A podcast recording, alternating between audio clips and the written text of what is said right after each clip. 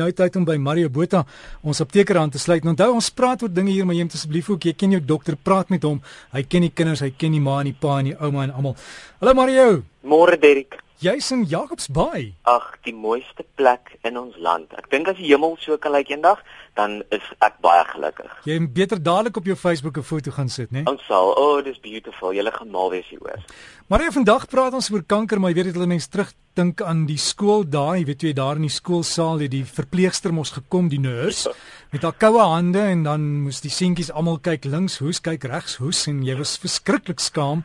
Maar jy weet dis dis nie 'n grap nie, want jy weet dis dis kankerbewusmaking en testikulêre kanker is 'n groot probleem, né? dit is 'n groot probleem. Die snaakste vir my van daai stories altyd was, die susters was net nie mooi nie. Dit was altyd 'n ou verrimpelde, lelike ou suster geweest. Maar dit was die snaakste aan haar hande was altyd yskoud geweest. Maar dit is interessant hoekom hulle dit doen.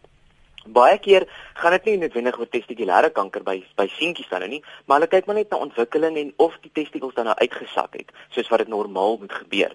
Maar in die geval van as ons nou met praat oor kanker, is byvoorbeeld iets soos 'n selfondersoek vir al vir mans met testikulêre kanker goed om te doen, om te kyk of daar nie 'n vergroeisel of 'n knoppie is nie. Vrouens doen dit weer met hulle borste en dis goed om om hierdie ondersoeke met jouself te doen, te kyk of daar 'n vergroeisel is en as iets vir jou pla, dan moet jy na 'n dokter toe gaan.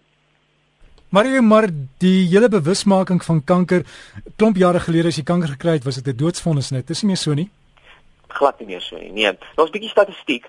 Daar is so 200 verskillende kankers al ontdek.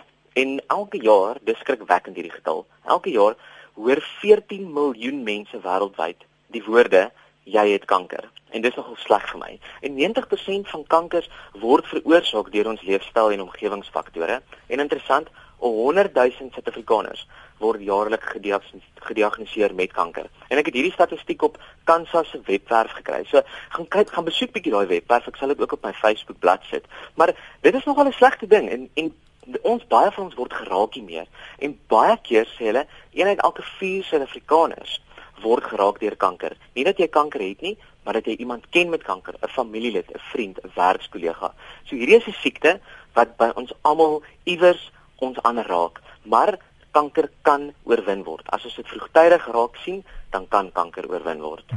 Maar jy het gepraat van leefstylfaktore. Hulle weet naaste by wat veroorsaak kanker of nie? Hulle weet in sommige kankers, dit sommige kankers is al baie goeie navorsing op gedoen, ander kankers minder navorsing opgedoen, maar daar word gereeld en aanhoudend navorsing gedoen oor kanker. Ek's glad nie 'n deskundige nie en ek het meeste van my feite maar op die internet gekry. Gaan Google dit, jy gaan baie interessante feite daar kry. Maar hulle sê baie van ons faktore waarmee in ons leef, ons leefstylfaktore, ons omgewingsfaktore, dit wat ons eet, die ete, rook, Daai dinge is dinge wat vir ons kanker gee. En interessant dink ek ook baie van die gifstowwe wat hulle nou op groentes en vrugte spuit of um hormonale behandeling van plante om vir ons goeie mielies en korings te gee. Ek dink baie van daai goed veroorsaak ook kanker. En daarom streef ons dink ek nou en die Engelse term is maar free range. Ons probeer al hierdie organiese middels en free range eiers eet en free range vleis eet. So ek dink as ons meer na dit kan streef sal ons dinge soos kanker kan verminder, verseker. Ja, Mario, daar is beslis sekere faktore, jy weet jy jy maak nou hier 'n bynes oop, maar party mense is daarvoor, party mense is daarteen, maar die beste is net om 'n gesonde lewenstyl te handhaaf en te oefen.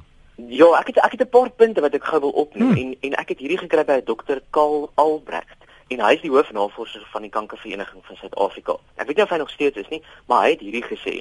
En hy sê hou op rook, nog beter moet eintlik net nooit begin nie dan sê hy doen 'n gebalanseerde voedselinname met goeie oefening. Moenie stysel eet wat verfyn is nie. So gaan eerder vir jou onverfynde stysels, soos bruinrys en volgraan. Dit is in elk geval goed want dan gaan jy marok word.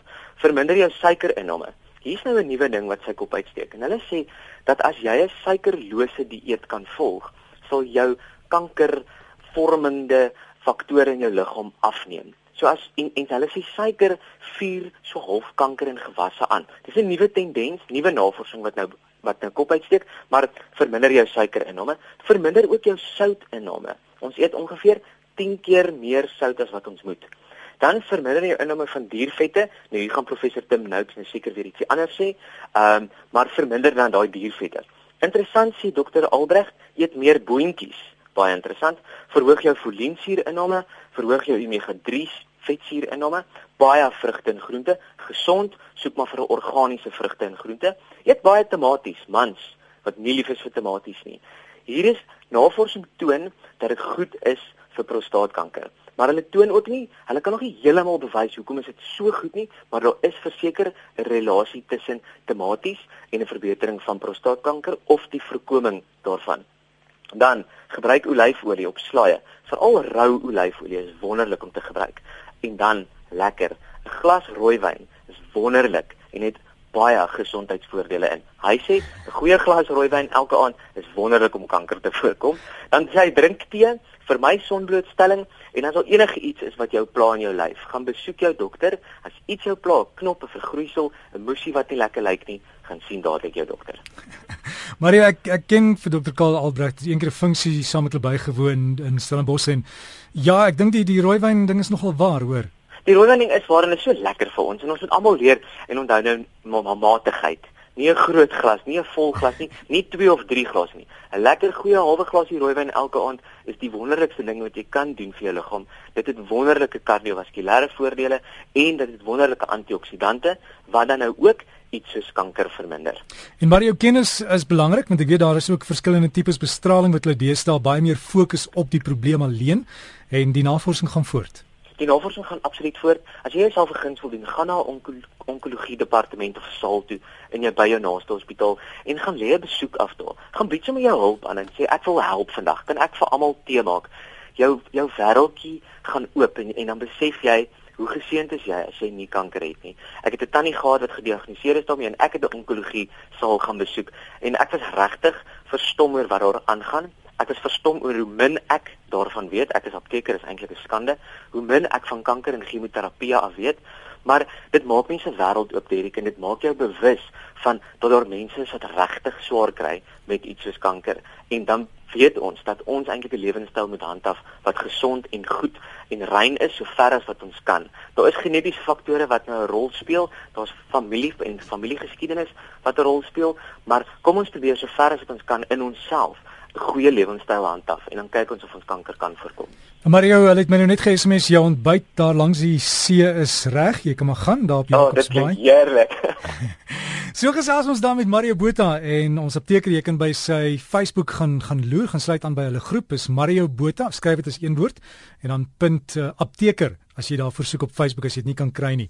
Is Mario Botha punt apteker op Facebook en jy kan ook vir hom e-pos as jy wil, is mario.m mario.botha@gmail.com mario.m.botha@gmail.com en praat met jou dokter